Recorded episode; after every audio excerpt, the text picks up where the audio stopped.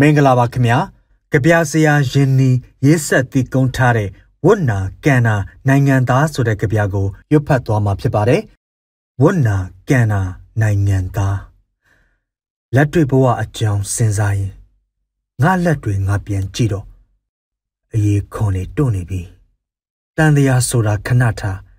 တန်ရောစင်တွေနဲ့လုံချလိုက်နေတော့ငါအပိတမှာလက်ခလဲအစ်စ်လေးနာနေတယ် လူတယောက်ဟာမှားတတ်ပါတယ်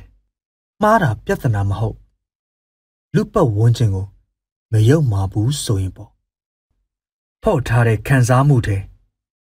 ဝဲပြန်လာတဲ့နာကျင်မှုပြေးထွက်လို့မရတဲ့ခြေလှမ်း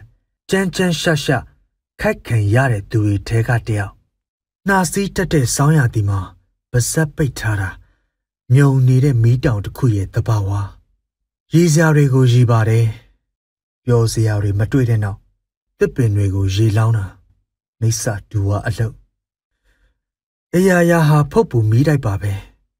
ခန္ဓာကိုခွဲမရတော့စိတ်ကိုခွဲစကားနေတာအနေအထားဒုက္ခကိုတေးလို့ဆိုရတဲ့အခါ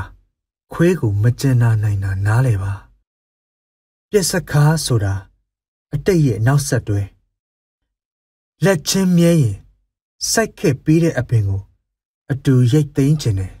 ဟုတ်ကဲ့ပါအခုရွတ်ဖတ်ခဲ့တာကတော့ကြပြဆရာယင်းနီရေးဆက်တည်ကုန်းထားတဲ့ဝတ်နာကန်နာနိုင်ငံသားဆိုတဲ့ကြပြပဲဖြစ်ပါတယ်ကျွန်တော်ຫນွေဦးမိုးပါ